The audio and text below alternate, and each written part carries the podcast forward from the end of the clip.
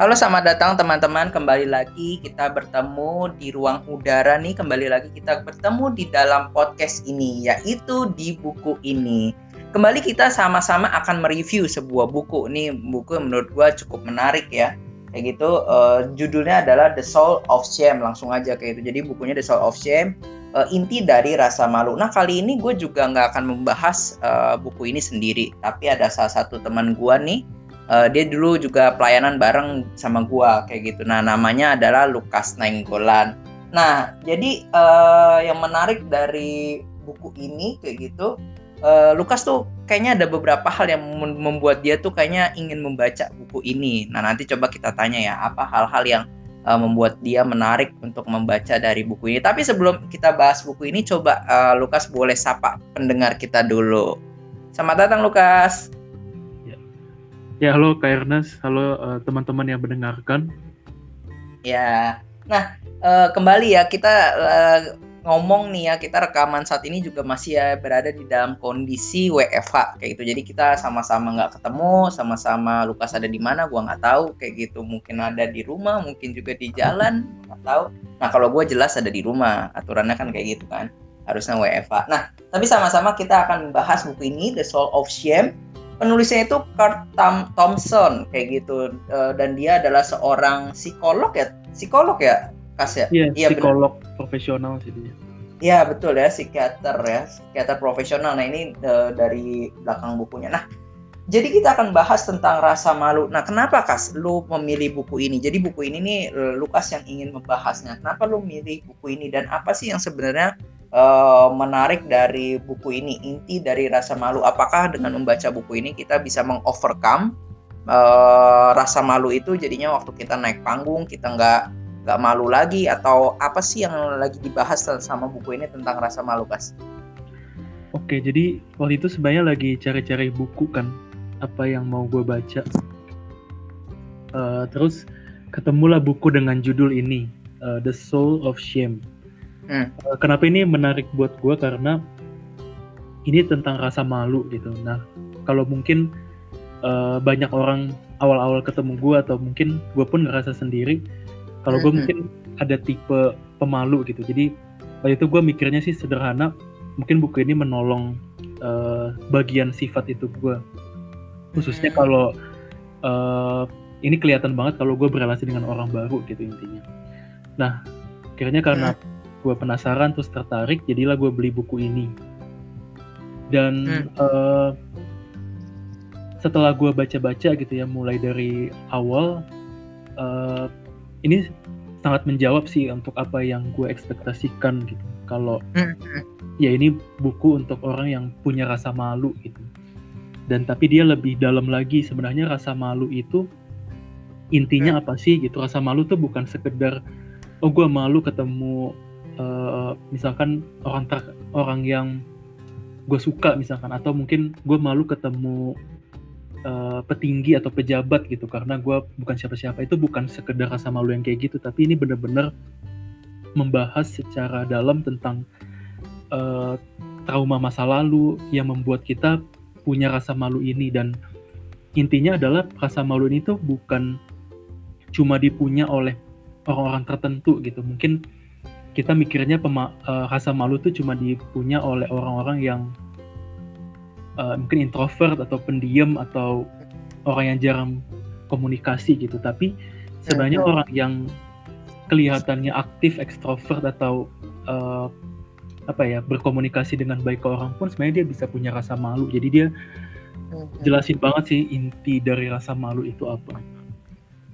Nah ini uh, ya gue juga baru baca gitu ya kas uh, buku hmm. ini. Jadi dalam waktu seminggu ini gue baru baca. Jadi waktu lo bilang eh kita bahas buku ini. Nah gue tuh belum baca. Nah gue juga baru baca buku ini. Nah menarik sih ya kas waktu hmm. lo bilang kayak gitu. Ternyata uh, yang bisa baca ini nih bukan orang-orang tuh yang pemalu doang. Ternyata yeah. bisa semua orang tuh memiliki rasa malu. Nah pertanyaannya jadinya begini kas Berarti kalau orang yang pemalu aja memiliki rasa malu, rasa malu yang seperti apa sih yang sebenarnya dibahas di dalam uh, buku ini? Seperti itu. Kalau misalnya dikatakan inti dari uh, rasa malu, intinya tuh apa? Core-nya apa? Apa yang uh, sebenarnya lagi dibahas kalau bukan hanya sekedar bahas gue malu ketemu temen gue malu uh, demam panggung dan lain sebagainya nah tapi uh, rasa malu yang kayak gimana tuh ya jadi tuh menarik sih dia gue gak lupa sih kalau nggak salah di bab satu atau bab dua tuh dia langsung nekenin kalau rasa malu itu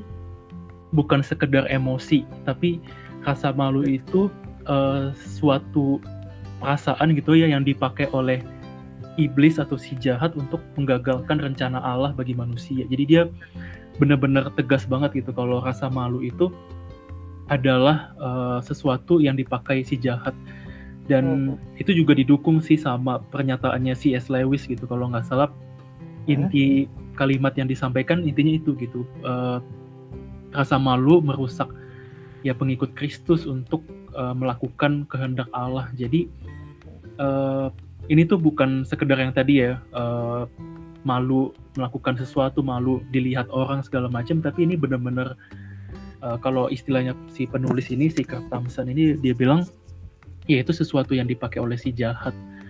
Jadi hmm. uh, baik orang yang uh, punya karakter pemalu ataupun enggak mereka punya rasa malu gitu. Yang intinya adalah itu sebenarnya uh, dosa yang dipakai untuk menggagalkan rencana Allah dan itu bisa ada karena trauma-trauma yang terjadi uh, waktu kecil, waktu hidup dalam keluarga dan itu tumbuh menjadi uh, waktu dewasa itu terekam gitu ya dan sebenarnya sih ini buku ini mirip-mirip kayak buku uh, psikologi Kristen lain ya kayak emotionally healthy spiritual hmm, hmm. yang intinya kayak bahas tentang uh, release and restoration tentang uh, melihat masa lalu trauma-trauma masa lalu sebenarnya mirip-mirip kayak gitu sih tapi dia kali ini lebih tegas hmm, hmm. Nah tapi gini kas uh, mungkin ada salah satu uh, gue jadi cerita tentang pengalaman gue sendiri dulu gitu ya jadinya. Hmm. nah uh, eh, gue waktu sebelum baca ini kan waktu kita janjian kayak gitu mau bahas buku ini nah gue waktu itu lagi coba merenung-renung gitu kehidupan gue gue ada salah satu uh, isu ya yang salah satunya menurut gue tuh gue terus bergumul ya gue tuh pengennya uh, apa yang gue buat karya yang gue buat itu uh, dipuji oleh orang lain atau di apa yang namanya ya diakui hmm. oleh orang lain. Nah, setelah akhirnya gue pikir-pikir ya, kayak gitu gue pikir-pikir, gue renung-renung, kenapa gue mau kayak gitu? Ternyata gue tuh pengen uh, orang tuh menghargai gue. Nah, ya. pertanyaannya lagi gue tanya lagi, kenapa orang pengen gue uh, uh, pengen gue pengen dihargai oleh orang lain? Nah, sampai akhirnya gue udah panjang mikir, akhirnya gue menemukan tuh ternyata gue tuh memiliki rasa malu di dalam diri gue kayak gitu gue memiliki rasa malu di dalam hati gue yang kalau gue nggak memiliki ini aduh nih gue bad banget. Kayaknya gue rentan banget. Kayaknya tuh gue jelek banget. Sehingga akhirnya itu yang membuat gue nggak nggak nggak pede di depan orang nggak nggak nggak bisa tampil dengan apa adanya. Dan akhirnya banyak hal-hal yang digerakkan oleh justru bukan karena motivasi yang tulus tapi karena rasa malu yang ada di dalam diri gue seperti itu apakah uh, rasa malu yang seperti itu tuh yang sedang kita bahas. Jadi bukan soal rasa malu gua malu ketemu orang, tapi rasa malu yang kayak gitu tuh. Nah iya bener, bener banget sih itu salah satu contoh hmm. rasa malu yang dibahas gitu. Kalau uh, mungkin gue kasih beberapa contoh yang ada di buku itu ya, dia kayak cerita misalnya ada orang yang uh, dia uh, pekerjaannya sukses gitu ya, dia jadi uh, manajer gitulah yang udah sukses gitu.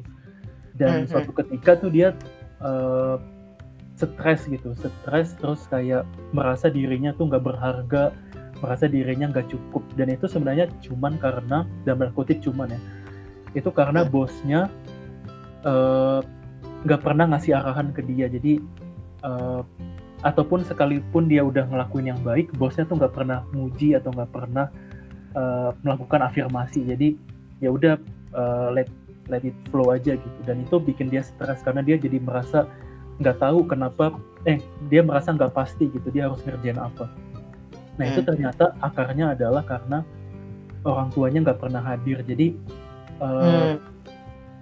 rasa malunya itu memang ini sih menarik ya. Jadi rasa malunya itu berarti definisinya bukan yang selama ini kita uh, mm. dapat gitu ya, tapi ini kayak gitu gitu. Rasa malu kalau misalkan kayak tadi lu cerita itu terkait dengan lu pengen dihargai gitu, pengen uh, perfect gitu di depan orang dan ketika itu nggak dapet itu jadi rasa malu kayak gitu. Atau kayak contoh tadi ketika dia nggak dapet uh, kehadiran dari bosnya, dia rasa malu mm. kayak gitu. Terus uh, mungkin kalau gue pribadi juga mirip-mirip sih kayak mungkin kayak cerita lu itu ya misalnya gue tipe yang uh-huh. agak perfeksionis dan juga uh, takut ditolak gitu sama orang gitu misalnya ditolak dalam arti apa yang gue hmm. kerjakan itu enggak membuat mereka memuji atau menerima gue dan itu itu mungkin salah satu rasa malu yang gue alami sih dan gue sangat uh, ditegur juga dari buku ini gitu. dan lewat buku ini gue juga jadi bisa melihat gitu kenapa sih hal ini terjadi gitu. Gue kemarin gitu ya uh, kayak sebelum tidur mikir-mikir gitu masa lalu gue gue ingat-ingat apa sih yang sebenarnya menjadi ingatan gue sehingga gue menjadi punya rasa malu yang seperti ini. Jadi uh, hal itu sih yang dibahas di buku ini. Jadi uh, bukan sekedar rasa malu yang mungkin selama ini jadi definisi kita. Hmm tapi ada ini uh, eh, gue waktu gue nemu uh, salah satu ak masalah gue adalah rasa malu itu. Waktu gue baru nemu aja oh ternyata gue punya isu ini berakar dari rasa malu gue waktu gue akhirnya deal with it kayak gitu gue berurusan dengan hal itu dan berusaha bawa itu kepada Tuhan seperti itu. Walaupun nanti coba kita bahas kayak gitu gimana caranya uh, deal with it kayak gitu ya uh, eh, gue berusaha untuk uh, bawa itu kepada Tuhan dan juga berurusan dengan hal itu kayak gitu gue satu sisi mengalami apa yang namanya uh, rilis kayak gitu ya sedikit rilis walaupun belum gue yakin belum selesai kayak gitu gue yakin belum selesai karena ini kan uh, salah satu isu yang lama banget terbentuk di dalam diri gue tapi masa hmm. hanya dalam waktu uh, gue satu hari satu jam dua jam langsung selesaikan tapi gue hmm. satu sisi waktu gue menemukan akar masalahnya apa satu sisi ada di dalam diri gue gue merasa oh ternyata akarnya ini gue udah tahu gue udah tahu akarnya gue sedikit rilis dan akhirnya gue tuh sempat ya ada salah satu bagian di dalam diri gue kayak itu pengalaman diri gue yang gue tuh nggak mau ceritain ke orang siapa pun kayak gitu hmm. kalau uh, kecuali kepada orang yang sangat gue percaya siapa itu gue pengennya cerita ke istri gue nah tapi gue kan belum punya istri jadi hmm, maunya gue iya, simpan terus kayak gitu sampai gue punya istri kayak gitu nah cuman hmm. akhirnya uh, karena gue nemu hal ini akhirnya gue berani cerita hmm. ke salah satu teman gue dan gue menceritakan hal itu dan waktu gue cerita kayak gitu gue tuh nggak lagi kayak takut dihakimi kayak gitu hmm. gue nggak lagi merasa kayak gue bad banget uh, jadi gue jadi ngeliat itu sebagai it's a part of my life kayak gitu dan gue nggak ditentukan dari uh, isu gue yang waktu itu kayak gitu. Pengalaman yang saat itu tuh yang gue sulit banget ceritakan. Tentu pengalaman itu gue nggak bisa ceritain ke banyak orang. Tapi at least kayak gitu bagi gue gue akhirnya mau membuka hal itu kayak gitu. Nah dari buku ini kas kayak gitu dari yang uh, kita ba uh, akan bahas buku ini men alur alur buku ini tuh kayak gimana sih? Apa sih yang mulai dibahas sama Kurt Thompson ini kayak gitu? Ataupun uh, dia tuh mulai membahasnya dari sisi-sisi mana sih? Ya jadi kalau di awal-awal dari bab, jadi kan ada 9 bab ya buku ini. Aha. Uh, awalnya di bab 1 sampai bab 3 itu dia bahas tentang gimana sih rasa malu itu muncul di dalam diri gitu. Tapi dia jelasinnya dari konsep ilmiah gitu sih dari dia jelasin eh, bidang-bidang otak terus kalau rasa malu muncul tuh otak mana yang bekerja. Hmm. Kenapa sih kita kalau uh, kalau misalkan rasa malu jadi itu dia salah satu uh, yang diangkat juga ini rasa malu itu tuh bisa nimbulin perang. Jadi perang-perang antar negara tuh bisa jadi semua bermula dari rasa malu. Hmm, Salah satu hmm, hmm. statement dia dan gue pikir mungkin benar juga ya kayak Donald Trump mungkin dia banyak tuh rasa malunya makanya mungkin dia menghina Cina, menghina macam-macam dan mungkin bisa jadi perang kan. Iya iya iya. Dan uh, itu tuh kayak dia bilang uh, otak kita tuh ada bagian yang kita jadi nggak bisa memusatkan perhatian kita ke masalah tersebut ke di dalam otak kita. Jadi kita bertindak uh, sesuai dengan emosi pada saat itu gitu. Dia jadi saya jelasin itu dengan cara ilmiah. Dan mungkin karena dia memang uh, psikolog atau psikiater profesional dan uh, orang kuliah gitu ya jadi dia bahas secara ilmiah. Dan dia tuh penulis buku ini juga nih Anatomy of the Soul. Itu juga terkenal dan di situ kayaknya banyak juga hal-hal ilmiah yang dia jelasin. Nah, habis itu dia di bab 4 sampai bab 5 dia mulai jelasin tentang uh, kisah rasa malu. Jadi dia mulai dengan bab 4 itu uh, kita manusia itu menghidupi suatu kisah dalam hidup kita. Yang seharusnya kisah kita itu kan kisahnya Allah gitu ya, kisah besar gambar besar dari Allah itu tapi uh, rasa malu itu merusak kita. Jadi kita menghidupi kisah rasa malu kita gitu. Maksudnya adalah misalkan kita punya yang kayak tadi ya contohnya kita mm-hmm. orang yang perfeksionis karena kita takut orang nolak kita. Nah itu uh, kisah yang kita hidupi gitu. Nah dia bahas uh, itu contoh kisah rasa malu yang uh, bisa terjadi dalam hidup kita. Lalu di bab 5 itu dia bahas tentang uh, kisah rasa malu di Alkitab. Nah dia sih fokusnya dari kejadian Adam dan Hawa jatuh dalam dosa ya. Ini menarik sih buat gua karena dia angkat. Jadi di kejadian 2 ayat 25 tuh intinya kan dibilang ya uh, mereka telanjang dan mereka gak punya malu. Nah dia tuh bahas kenapa sih kata yang dipakai itu uh, malu gitu kan padahal banyak kata lain yang bisa tergambarkan gitu. Nah dia intinya sih punya argumen kalau uh, rasa malu itu berarti hal yang sebenarnya uh, tidak ada waktu manusia sebelum jatuh dalam dosa, tapi setelah jatuh dalam dosa rasa malu itu ada gitu. Itu argumen dia sih, makanya bagi dia rasa malu itu suatu hal yang besar yang perlu diselesaikan.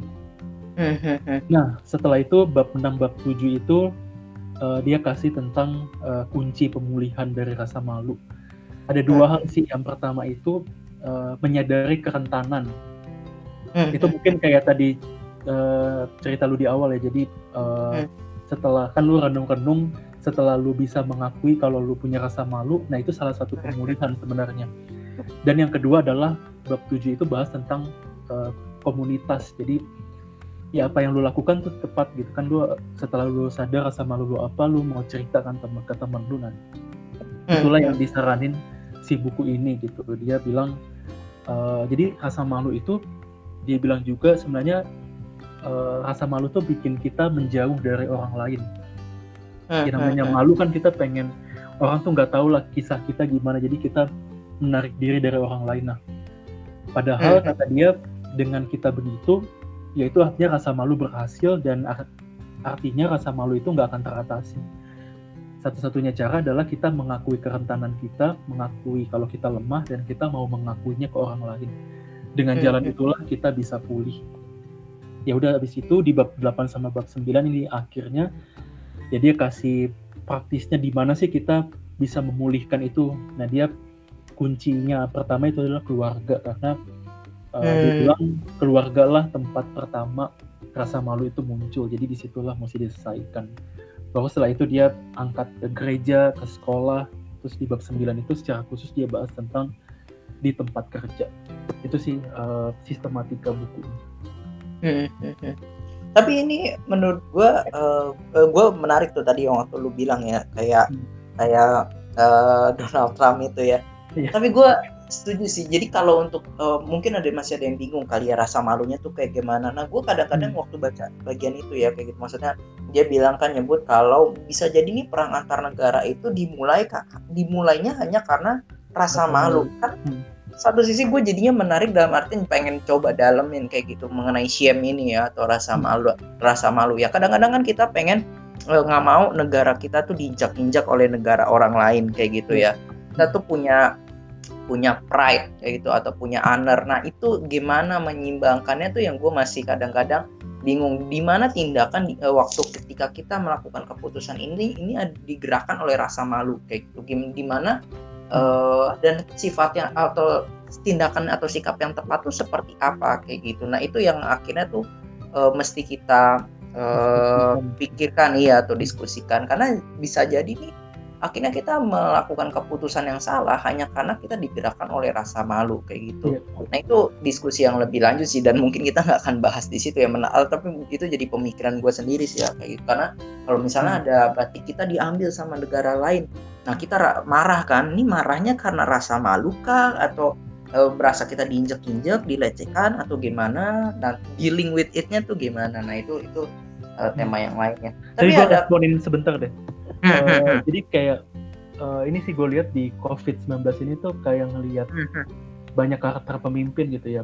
Uh, kalau kayak di Amerika Donald Trump terkenal gitu ya dia dengan segala macam cara dia menutupi uh, kesalahan dia atau uh, ya kegagalan dia dalam mengurus pandemi ini lah maksudnya keterlambatan dia dan segala macam. Dan dia benar-benar nggak ada sama sekali statement mengakui dia salah dia selalu ngakuin kesalahan orang lain kan hmm, itu hmm, menurut hmm. gue salah satu contoh rasa malu sih dan gue ini sih karena lagi uh, banyak lihat-lihat kondisi negara ya gitu gue menarik uh, negara Swedia itu kan dia nggak pernah lockdown ya itu uh, keputusan dari mereka tuh yang memutuskan bukan perdana menterinya tapi mereka yang memutuskan itu kepala kebijakan kesehatannya gitulah jadi ahli mm -hmm. gitu.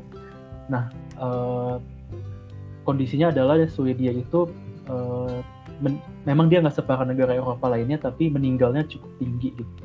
Mm -hmm. Nah dia tuh berani mengakui kesalahan minggu lalu kalau dilihat beritanya tuh ada dia mengakui kalau memang kebijakan ini ada kelemahannya gitu dan mm yaitu media banyak lah yang memberitakan jadi gue kayak menarik sih uh, ini ada contoh juga loh pemimpin yang berani mengakui uh, kegagalannya gitu dan itu menurut gue sih indah sih kalau itu bisa diterapin ke banyak pemimpin gitu.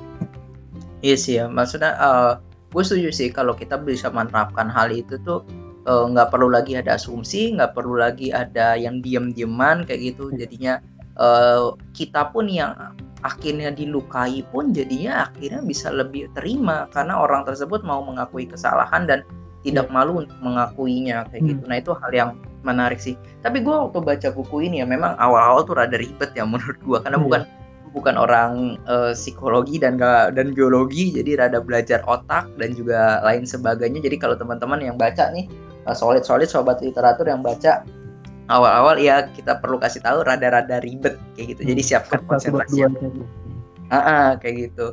Nah nanti kan uh, seperti yang lu bilang kayak gitu. Tapi gue ada kalimat yang sering cukup buat gue menarik nih kas.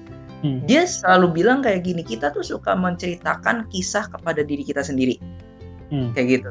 Jadi uh, kisah itu adalah munculnya dari rasa malu. Contoh tuh kayak kayak misalnya uh, tadi dibilang ada orang yang yang kayak contoh kayak gue lah misalnya kayak gue tuh maunya diafirmasi kayak gitu karya gue dan hmm. lain sebagainya nah kalau nggak orang nggak afirmasi karya gue gue tuh lagi kasih cerita nih gue lagi hmm. bilang ke diri gue ceritanya adalah tuh kan lu tuh nggak pantas kayak gitu tuh kan lu emang kurang tuh kan emang lu jelek buatnya dan lain sebagainya nah menariknya adalah waktu gue ngomong kayak gitu uh, gue lagi mengutarakan kisah itu menceritakan kisah itu Nah kisah itu memperkuat rasa malu gue juga. Iya. Nah itu itu itu gimana tuh kas? Itu setahu gue dibahas juga tuh. Jadi uh, gue ngomong ngomong kayak gitu tuh muncul dari rasa malu gue. Tapi waktu gue ngomong hal itu, satu sisi itu memperkuat masa rasa malu gue juga. Hmm. Yang itu, kayak gitu tuh. Nah. Bener sih.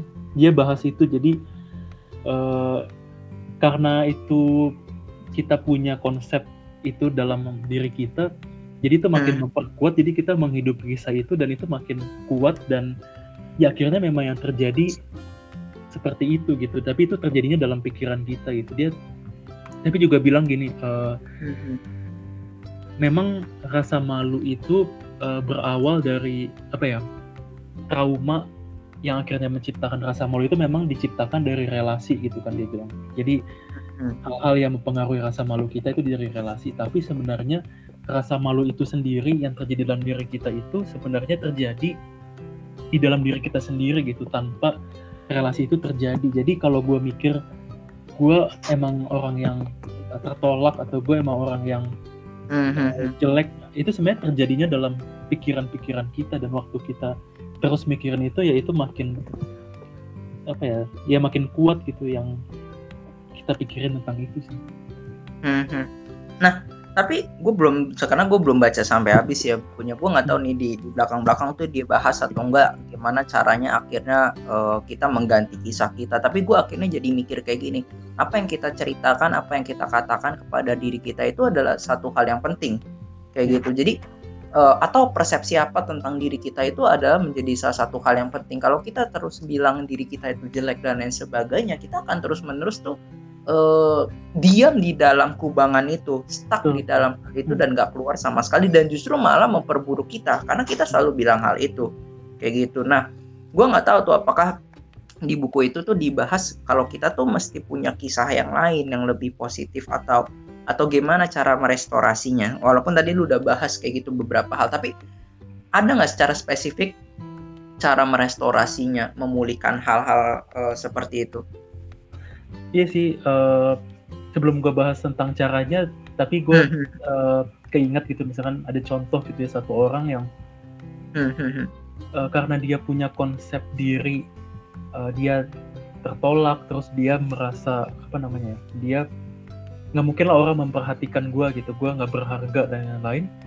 Dan ketika orang memperhatikan dia pun, dia akan merasa curiga gitu kan, dan itu padahal sebenarnya nggak kayak gitu kan kisahnya tapi karena dalam hmm. dirinya kisahnya yang dia buat kayak gitu akhirnya apa pun yang terjadi itu inti kisahnya nah makanya hmm. perlu banget sih memang kita yaitu ya kalau bahasa lo merestorasi kisah atau mengubah hmm. kisah kita gitu jadi uh, ya kisahnya harusnya sebenarnya kisahnya Allah gitu kisah uh, cerita besar Allah dan dia sih sebenarnya uh, yang dia angkat adalah kisah kita itu uh, Tuhan menciptakan kisah itu kisah sukacita sebenarnya. Hmm, uh, iya, iya, iya. terus dia bilang uh, rasa malu itu merusak kisah sukacita Allah buat kita dan emang bener sih kan. Dan hmm, ya, dia pengen merubah itu sih uh, supaya kisah rasa malu kita itu diubah jadi kisah sukacita. Nah kalau gue lihat di bukunya ini hmm. uh, eh, gue simpulin sih ada dua hal gitu ya yang dia sarankan untuk pemulihan ini bisa terjadi. Hmm. Jadi yang pertama itu adalah uh, mengakui rasa malu kita. Jadi uh, memang kalau dia contoh gitu ya, uh, dia banyak kan klien-klien yang datang ke dia. Um, klien itu sebenarnya masalah awal dia kenapa datang ke ke si penulis ini ke psikolog ini karena uh, susah tidur. Mm-hmm. Tapi tapi ternyata si psikolog si Kurt ini uh, mm. bukan sekedar nyelesain masalah itu, tapi dia malah nanya ke apa yang dia alami sekarang, terus apa masa lalunya atau apa kisah yang terjadi. Salah satu yang gue inget sih ini sih, jadi ada orang yang selingkuh, mm-hmm. dia karena menyembunyikan uh, apa yang terjadi dalam dirinya itu uh, ya udah jadinya dia nggak bisa tidur dan sebagainya tapi lewat konseling sama si Kurt ini akhirnya dia hmm. uh, mengakui kalau dia selingkuh terus kenapa dia selingkuh terus akhirnya dia berani ngakuin ke pasangannya terus kenapa dia uh, selingkuh itu karena dia merasa nggak uh, menikmati relasi yang intim dengan pasangannya hmm. dan dia jadinya merasa dirinya kurang makanya ketika ada bos yang memperhatikan dia akhirnya dia mau selingkuh kayak gitu. Itu kan sebenarnya rasa malu juga kan. Jadi mm-hmm. uh, solusi yang dia bilang adalah ya kamu harus uh, mengakui itu gitu. Rasa malu itu ke pasangannya dan akhirnya kisahnya adalah dia uh, setelah setelahnya dia ketika merasa tidak diperhatikan oleh pasangannya dia harus mengakui kalau dia sedang merasa rentan itu gitu. dia merasa gue lagi nggak menikmati itu tuh gitu. Akhirnya itu pulih. Jadi satu hal yang dia bilang uh, pemulihannya adalah ya lu akui gitu kalau lu punya rasa malu ini gitu. Mungkin kalau gue bayangin kayak kita yang punya perasaan itu ya kita akui gitu kalau kita punya uh, rasa pengen diterima, rasa pengen diafirmasi gitu dan itu kita akui kita rentan dalam hal itu sesama untuk kita ditolong. Dan yang hmm. kedua adalah uh, memang punya komunitas gitu atau punya relasi sama orang lain. Hmm. Jadi dia bilang uh, ya lu harus cerita gitu ke sesama di mana lu bisa percaya banget terbuka banget akan rasa malu lu dan sebenarnya ini juga sih dia bilang keterbukaan kita itu bisa membuat kita atau orang lain yang mendengarkan tuh nggak sendirian karena bisa hmm. rasa malu ini tuh semua orang bisa alamin apa pun hmm. bentuknya kan dan ketika kita bisa cerita kita bisa terbuka akhirnya kita bisa merasa nggak sendirian dan ini akhirnya bikin kita punya relasi atau integrasi dengan orang lain dan akhirnya kita bisa berjuang sama-sama untuk mengatasi rasa malu ini. Jadi dua hal itu sih, pertama kita mesti akui dulu kalau kita memang rentan, kalau kita memang punya sesuatu yang uh, mm-hmm. rasa malu itu, dan kedua kita cerita atau punya komunitas. Mm-hmm. Tapi ini gue balik lagi nih ya ke, ke salah satu sisi, mungkin mungkin sisi spiritualnya ya kalau kalau misalnya kayak buku ini kan si awal-awal dia si Kurt yang tadi kita udah bilang kan dia bahas secara ilmiahnya dulu kerja otak gimana gimana uh, rasa malu mempengaruhi emosi dan pikiran-pikiran kita uh, bagian-bagian otak mana kayak gitu terus uh, di tengah-tengah buku dia bahas juga tentang apa tuh uh, sisi teologisnya kayak gitu tentang hmm. kisah Alkitab dan lain sebagainya nah gue mungkin mau balik lagi ke kisah Alkitab karena menurut gue tuh cukup menarik ya dia mulai kan dari kejadian uh, tiga ya kayak gitu ya tentang hmm. gimana Adam eh Adam si Hawa tuh digoda oleh uh, ular seperti itu. Nah menarik sih waktu dibahas akan hal itu ya ternyata yang yang uh, si godaan si ular itu adalah uh, ular itu menggoda lagi mau mengatakan bahwa kondisi Hawa saat itu di mana dia tinggal di uh, taman taman yang begitu indah uh, bisa berelasi dengan Allah adalah sebuah kondisi yang belum sempurna. Hmm. Ada sesuatu yang kurang kayak gitu. Jadi mau si iblis lagi mau mengatakan lu nggak cukup dengan hidup seperti ini aja. Nah waktu si Hawa itu uh, mendengar perkataan itu dan dia kayaknya sepertinya menyetujui bahwa hidupnya kayaknya masih kurang uh, dengan hidup yang seperti itu, mulai muncul rasa malu. Kayak gitu mulai muncul merasa malu dan itu menggerakkan emosi dan tindakan-tindakannya si Hawa yang akhirnya mengambil sesuatu hal yang akhirnya tuh itu gue kalimatnya menarik tuh. Hawa tuh ingin memenuhi kebutuhannya tapi dia perlu mengambil atau dia butuh sesuatu dari luar dirinya untuk memenuhi kebutuhannya hmm. kayak gitu jadi kayak gali lubang tutup lubang jadi uh, kalau Hawa pengen jadi Tuhan gimana caranya jadi Tuhan? Dia butuh sesuatu yang lain. Sedangkan Tuhan nggak butuh sesuatu yang lain untuk yeah. jadi Tuhan. Kayak gitu. Yang namanya Tuhan kan dia nggak butuh sesuatu. Nah, Hawa ingin jadi Tuhan, tapi dia butuh sesuatu yang lain. Nah, gue jadi ada salah satu poin yang menarik lagi nih. Waktu si Kurt Thompson bilang kayak gini, kita tuh sering kalau punya keraguan kayak gitu atau memiliki rasa malu atau bertanya tentang diri kita atau ngomongin tentang Allah, kita tuh lebih sering kita ngomongin tentang Allah ketimbang berbicara langsung sama Allah. Hmm. Nah itu kalimat menarik tuh menurut gue tuh di bagian itu tuh.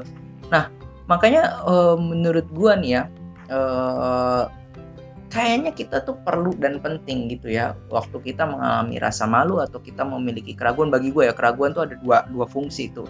Uh, si ada si Hawa kan waktu saat itu ragu kayak gitu uh, bener gak nih pohon ini atau buah ini nih bisa bikin gue jadi Tuhan atau malah bikin gue jadi mati? Itu kan adalah keraguan kan ada di persimpangan jalan. Dia bisa bertanya ke Tuhan meyakinkan diri dia yeah. bahwa apa dikatakan Tuhan itu benar kayak gitu atau dia malah uh, akhirnya menjauh dari Tuhan. Nah satu sisi, sisi itu keraguan tuh memiliki dua hal itu tuh kita bisa mak bikin makin yakin atau hmm. bikin kita makin menjauh seperti itu. Nah itu itu menurut gue menarik salah satu cara kerja uh, rasa malu kayak gitu. Ada hal yang menarik lagi nggak menurut lo dari buku ini? Uh, itu sih tadi yang tuh uh, yang lu bilang juga benar ya. Salah satu yang hmm. gue highlight adalah rasa malu itu juga membuat kita tuh merasa tidak cukup, merasa ada yang kurang, terus jadinya khawatir dan uh, nanti kita malah bertindak perfeksionis. Tapi kita juga setelah melakukan sesuatu merasa masih kurang masih kurang gitu. Jadi kadang gue mikir ya kalau orang yang do the best gitu ya itu oke okay gitu ya bagus. Tapi uh, mungkin bisa kita evaluasi juga ya jangan-jangan waktu kita mau do the best tuh sebenarnya kita lagi kayak uh, apa ya menutupi uh, rasa malu kita gitu. Kita merasa diri kurang terus kita tutupi dengan pekerjaan-pekerjaan terbaik. Dan padahal itu sebenarnya bukan jawaban gitu. Harusnya kita uh, tidak melakukan hal itu. Dan ini juga sih rasa malu itu uh, membuat kita memang uh, apa ya kalau dia bilangnya istilahnya memisahkan relasi kita gitu dengan orang lain. Jadi uh, rasa malu itu tadi sempat juga sih udah gue sempat bilang kita akhirnya menjauh dari orang lain terus kita atau mungkin bukan menjauh tapi relasi kita jadi rusak gitu ya karena ya kita mementingkan apa yang kita pikirkan. Mm-hmm. Uh, meresponi yang tadi lu bilang juga apa artinya kita ketika punya rasa malu kayak Hawa ya sebenarnya kan dia bisa milihkan antara dia berbuat yang yang terjadi ya dia akhirnya makan buah itu. Sebenarnya kan dia bisa juga kalau buku ini kan bahas dia bisa nanya ke Tuhan. Hmm. nah mungkin itu ya rasa malu tuh memisahkan relasi kita juga dengan Tuhan. Harusnya kita bisa nanya tapi karena hmm. kita udah terpengaruh rasa malu akhirnya kita memutuskan sendiri. Nah itu mungkin yang perlu di apa ya, antisipasi gitu. Jangan sampai ketika kita punya rasa malu kita langsung kehilangan akal padahal kita bisa berrelasi dengan Tuhan, kita bisa berrelasi dengan sesama, mencegah hal-hal yang mm-hmm. ya kerusakan relasi itu. Mm-hmm. Gue setuju sih waktu lu bilang itu ya, maksudnya rasa malu tuh menggerakkan kita untuk akhirnya jauh dari Tuhan ya dalam artian gini ketika gue kadang-kadang mikir ya kalau kita misalnya merasakan kerentanan di dalam diri kita itu kan kita ngerasa bad banget jelek banget kan bahkan hmm. waktu kita uh, berpikir seperti itu aja tuh kita tuh berpikir udah aduh nih gue datang kepada Tuhan aja ini udah nggak layak kayak gitu hmm. gue aja tuh udah malu nih datang kepada Tuhan nih apakah Tuhan mau menerima gue kayak gitu apakah Tuhan mau uh, mau mengasihi gue atau jangan-jangan dia mau musuhin gue atau jangan-jangan dia mau menghakimi gue nah kalau rasa malu itu terus menerus uh, pikiran-pikiran itu atau kisah-kisah yang tadi gue bilang kayak Tuhan akan musuhin dan lain sebagainya itu uh, terus diceritain ke kita akhirnya benar-benar kita nggak nggak datang sama Tuhan. Nah menurut gue salah satu hal yang penting adalah uh, perspektif lain yang ada di dalam Alkitab. Kayak gitu. Ya. waktu waktu ke kita lagi nggak layak Tuhan menyucikan kita kok kayak gitu Tuhan mengampuni kita kok akhirnya kita bisa datang lagi dan lain sebagainya nah gue hmm. akhirnya ngelihat ya mungkin salah satu halnya adalah kita perlu mengkonter juga tuh kisah-kisah itu dengan kisah-kisah Alkitab tuh supaya akhirnya tuh kita lebih hati-hati lagi dan juga kalau misalnya dan dan gue akhirnya jadi inget ini nih waktu waktu uh, apa tuh yang Yesus dicobai ya kayak gitu Yesus ya. dicobai uh, apa yang Yesus lakukan dia kan pakai firman Tuhan juga tuh hmm. untuk melawan perkataan-perkataan iblis yang kayak gitu-gitu tuh itu itu menarik juga tuh kas. Iya, dia salah satu bahas juga tuh uh, perikop itu tuh dia dan oh ya, gue belum inget uh. dia tuh intinya bilang uh, firman dia kan dia melawannya dan kutip dengan firman ya.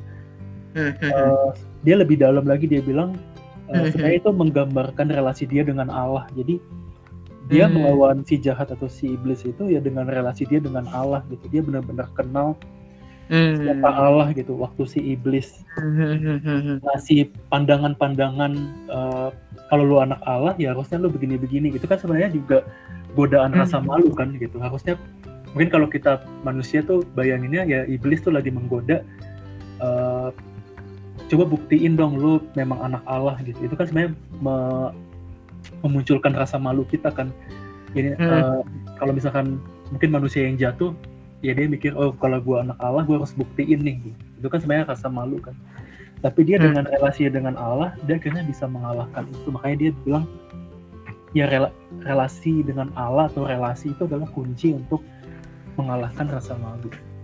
Hmm, hmm, hmm. Ini menarik banget. Dan ini sih satu hal lagi yang gue inget juga dia bilang hmm. gini. Jadi rasa malu itu tuh mempengaruhi keputusan kita dalam mengikuti Yesus. Hmm. Jadi mungkin kita sering bahas ya kalau di persekutuan itu tentang misalkan gospel way gitu kan ada anak sulung ada anak bungsu gitu. Kalau yang anak yeah. sulung itu tipe-tipe yang takut dihukum Allah atau pengen perfect kepada Allah gitu dan ya dia salah satu di bab itu dia sempat singgung sih jadi uh, bisa jadi tuh uh, gue mikirnya hmm. orang yang tipenya uh, berelasi dengan Allahnya dengan cara takut atau dengan hmm. cara pengen perfect takut ditolak itu bisa jadi karena rasa malu dan rasa malu itu diciptakan oleh uh, trauma di dalam keluarga gitu entah mungkin dia uh, kurang diperhatikan oleh orang tua jadi dia pengen perfect gitu dan itu akhirnya uh, tergambar juga relasinya dengan Allah jadi uh, menurut gue hmm, benar hmm. yang kalau kata lo bilang uh, rasa malu bisa diatasi dengan firman Tuhan dengan relasi dengan Tuhan. Di satu sisi kita juga perlu evaluasi gitu gimana sih hubungan kita dengan Allah? Hmm, hmm, apakah kita tipe yang mudah menyalahkan Allah atau mungkin kita tipe yang takut ditolak oleh Allah? Dan itu mungkin sebenarnya berakar dari rasa malu yang timbulnya dari masa lalu kita. Gue setuju sih waktu lu bilang ya kita perlu mengevaluasi relasi pribadi kita dengan Tuhan dalam artian kayak gini. Kita kan bisa ya pelayanan baca Alkitab tiap hari kayak gitu. Terus juga uh, mungkin kita saat teduh berdoanya lama tapi relasi kita dengan Tuhan gak dalam kan bisa juga kan? Hmm. seperti itu. Nah itu uh, bisa jadi yang tadi lo bilang tuh waktu kita baca Alkitab kita saat teduh kita berdoa tapi sebenarnya kita lagi digerakkan oleh rasa malu. Bukannya kita lagi mau berelasi dengan Allah nah itu salah satu perbedaan yang yang uh, cukup penting ya dan signifikan menurut gue dan menurut gue salah satu hal yang menarik lagi dari buku ini ya dia kan memberikan kepada kita tuh banyak kisah. Karena kan dia banyak yang datang ke dia ya. Dan akhirnya tuh menurut gue kita bisa reflect juga tuh ke kisah-kisah ya, orang tersebut kayak gitu. Nah itu tuh yang menarik tuh dari buku ini hmm. gitu.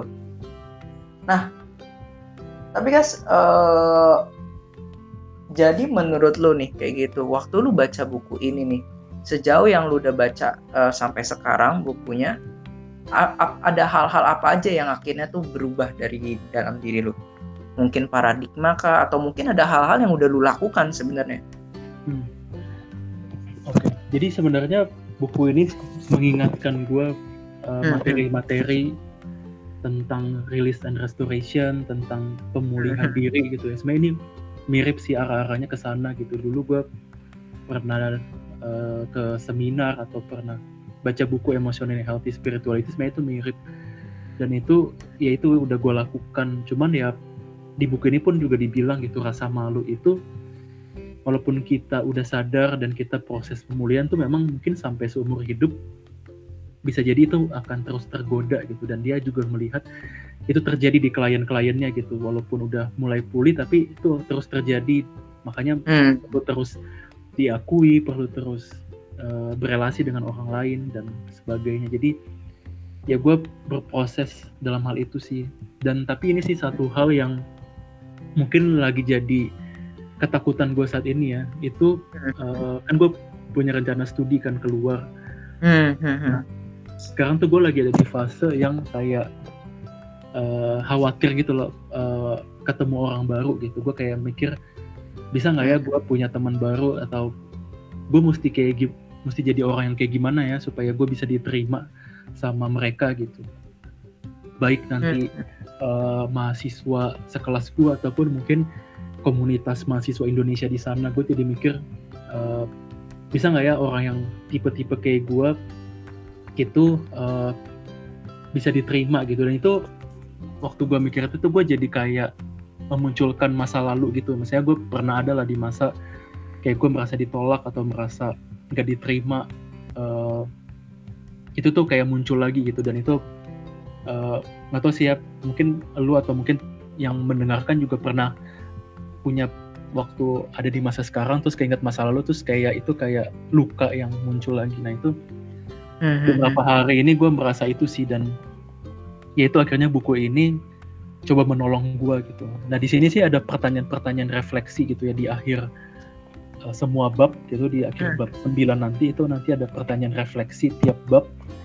Uh, gue belum melakukan itu sih baru bab satu doang tapi hmm. nanti gue akan coba uh, refleksi dari pertanyaan-pertanyaan ini gitu. Semoga itu menolong pergumulan hmm. gue yang alami saat ini ya. Hmm. Tapi sejauh dari yang gue baca akhirnya gue bisa berpikir gitu. Maksudnya gue jangan ya gue belajar gitu jangan sampai uh, apa ya uh, rasa malu itu mempengaruhi gue nanti dalam berelasi ke orang baru gitu jangan sampai lu merasa pengen diterima terus nanti lu jadi kayak apa sih khawatir terus lu jadi merasa harus ngelakuin ABC untuk bisa diterima gitu jangan sampai jadilah ya diri lu apa adanya seperti yang Kristus sudah bentuk sudah ciptakan dan ya yakin gitu kalau Tuhan akan memimpin gitu dalam kehidupan yang baru. Jadi ya buku itu sejauh ini menolong gue untuk uh, jangan menggunakan trauma masa lalu gue dalam menghadapi situasi baru nanti tapi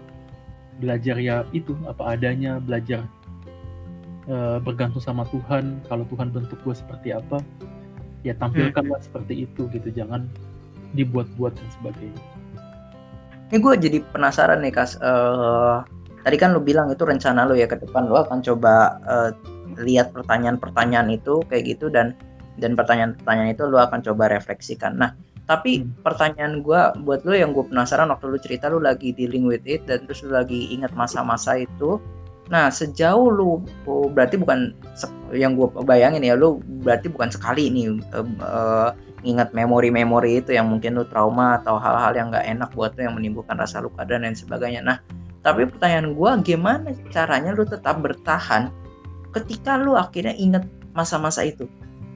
Kayak gitu.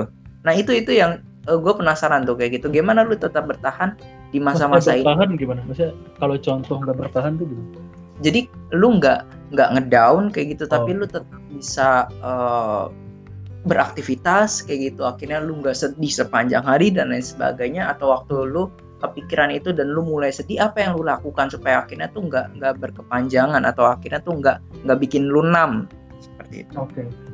iya sih kadang gue mikir juga uh, gue punya ketakutan tapi akhirnya tuh melangkah juga ya maksudnya harusnya mm-hmm. orang yang punya trauma kayak gue mungkin ada pada gue capek-capek uh, sekolah di tempat yang baru kenapa nggak yang cari aman di sini aja gitu? Itu udah jelas lah gitu. Tapi gue hmm. selalu kayak ada di posisi ketika gue takut tapi akhirnya tetap melangkah gitu. Nah uh, apa yang gue alami dan lakukan ya bersyukur sih memang relasi dengan Tuhan gitu ya yang diajarkan gitu sejak SMA itu menolong gue banget sih. Gue memang uh, belum pernah ada di posisi yang akhirnya gue down terus gak melakukan apa-apa terus uh, depresi berat dan sebagainya itu memang nggak pernah gitu. Dan kenapa itu bisa terjadi? Ya puji Tuhan sih gue menikmati Tuhan berbicara gitu menikmati mm-hmm. kayak setiap gue ada pertanyaan atau setiap gue ada ketakutan Tuhan tuh teguhin gitu lewat firman atau lewat buku kayak gitu. Atau mm. lewat kejadian-kejadian gitu. Uh, ini sih mungkin salah satu hal misalkan uh, mungkin salah satu ketakutan gue adalah ketakutan ketemu dengan suasana baru ketemu relasi baru. Tapi salah satu yang gue ceritain adalah jadi tuh gue sejak TK, SD, SMP, SMA sampai kuliah selalu ada di lingkungan yang uh, teman-teman gue sebelum itu nggak ada gitu. Jadi jangan gue punya teman dekat nih di SD gitu kelas 6 tuh ada tuh gue teman dekat se kayak ada mm-hmm. segeng lumayan banyak. Nah tapi gue masuk ke SMP yang semua teman gue tuh nggak ada di situ gitu. Sedangkan orang-orang lain tuh uh, punya teman dekat yang udah uh, jadi udah stabil lah gitu intinya nah kalau gue hmm. selalu masuk di lingkungan yang kayaknya baru-baru terus dan mungkin itu jadi trauma gue ya mungkin yang hmm. trauma mungkin itu sih yang akhirnya gue inget-inget itu yang membuat gue takut uh, saat ini gitu. Tapi uh, ya itu Tuhan kayak terus tunjukin enggak kok uh, ternyata gue bisa juga beradaptasi terus gue juga bisa berelasi hmm. dan sebagainya. Jadi gue di satu sisi uh, ya udah percaya aja gitu Tuhan akan mengerjakan ceritanya asal gue ya tetap bergantung sama Tuhan terus tetap ikut uh, apa yang Tuhan firmankan mm -hmm. dan sebagainya itu sih yang paling gue alamin kalau dalam konteks ini. tapi menarik ya dari cerita lo ini ya gue jadi nangkap kayak gini ya Tuhan tuh kayak nyelesain masalah tuh nggak nggak nyiram sekali terus selesai kayak gitu. Tapi nyiram sekali banyak kayak gitu. Bikin banjir habis itu selesai. Tapi uh, dia tuh nyiram pelan. Habis itu lu ketemu masalah lagi disiram lagi. Kayak step by step tuh setiap yeah. langkah setiap kali lu ketemu ada masalah tuh kayak dikasih penghiburan lagi penghiburan hmm. penghiburan kecil. Akhirnya lu bisa jalan lagi bisa jalan lagi. Tapi bukan berarti Tuhan gue nggak ngebayangin tuh. Tuhan cuman kasih sekali ini gue kasih air bandang gede sekali aja. Ke depannya lu jalan sendiri nggak begitu. Tapi yang gue bayangin tuh waktu lu denger kisah lu uh, itu menarik banget sih. Jadi Tuhan tuh ngasih penghiburan sedikit demi sedikit tapi itu sanggup membuat lu jalan dan berani ya, akhirnya ada isu isu seperti itu. Nah terakhir dan, nih kas. Ya. ah, gimana kas? Iya kayak walaupun hmm. uh, masalah itu atau pergumulan itu selesai di tahap ini ternyata Tuhan bisa kasih hmm. juga di waktu ke depan tapi mungkin dalam level yang lebih tinggi atau gimana tapi intinya itu kayak cuma buktiin ya Tuhan tuh menyertai gitu Tuhan berkuasa atas hidup itu sih yang ya gue setuju banget apa pendapatnya hmm, hmm. iya itu poin yang menarik sih nah tapi yang uh,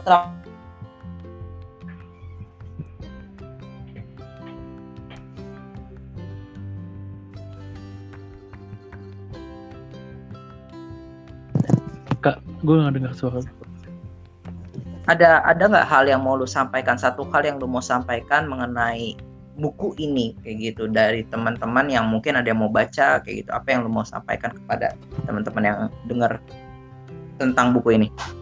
Oke, gue sih merindukan uh, orang hmm. banyak baca buku ini gitu ya. Gue jadi kepikiran pengen ngasih buku ini ke beberapa orang gitu.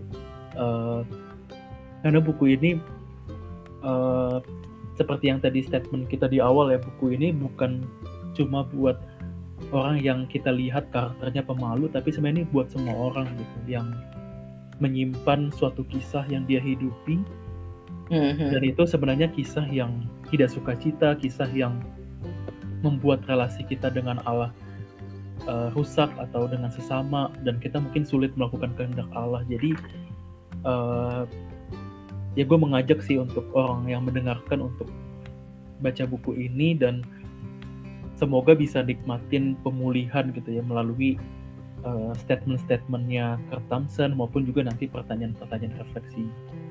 Hmm, hmm, hmm. Oke, sip. Makasih Kak sudah mau bareng-bareng nih kita nge-review tentang buku ini Soul, The Soul of Shame. Gue setuju banget dengan apa yang lu bilang. Kalau gue berharap juga banyak sih yang membaca buku ini ya karena ini sangat menolong banget uh, kita tuh jadi tahu apa akan masalah dari diri kita dan uh, kalau lu baca buku ini menurut gua nih uh, itu akan menolong lu lebih bijak lagi sih menghidupi yeah. kisah uh, apa yang sedang lu jalani seperti itu dari banyak kisah yang mana yang lu pilih yang lu believe dan yang mana yang lu terus ceritakan di dalam kehidupan lu apakah kisah Allah yang tadi lu bilang tuh kas kayak gitu kayak hmm. uh, kita tuh mau menghidupi kisah Allah tapi ada rasa malu yang melawan supaya akhirnya kita nggak menghidupi kisah. Nah berharap banyak teman-teman yang baca buku ini dan semoga uh, podcast kita kali ini tuh bisa akhirnya menolong dan memberkati teman-teman. Oke kita akhiri dulu sampai jumpa di di podcast di buku ini lain kali. Bye.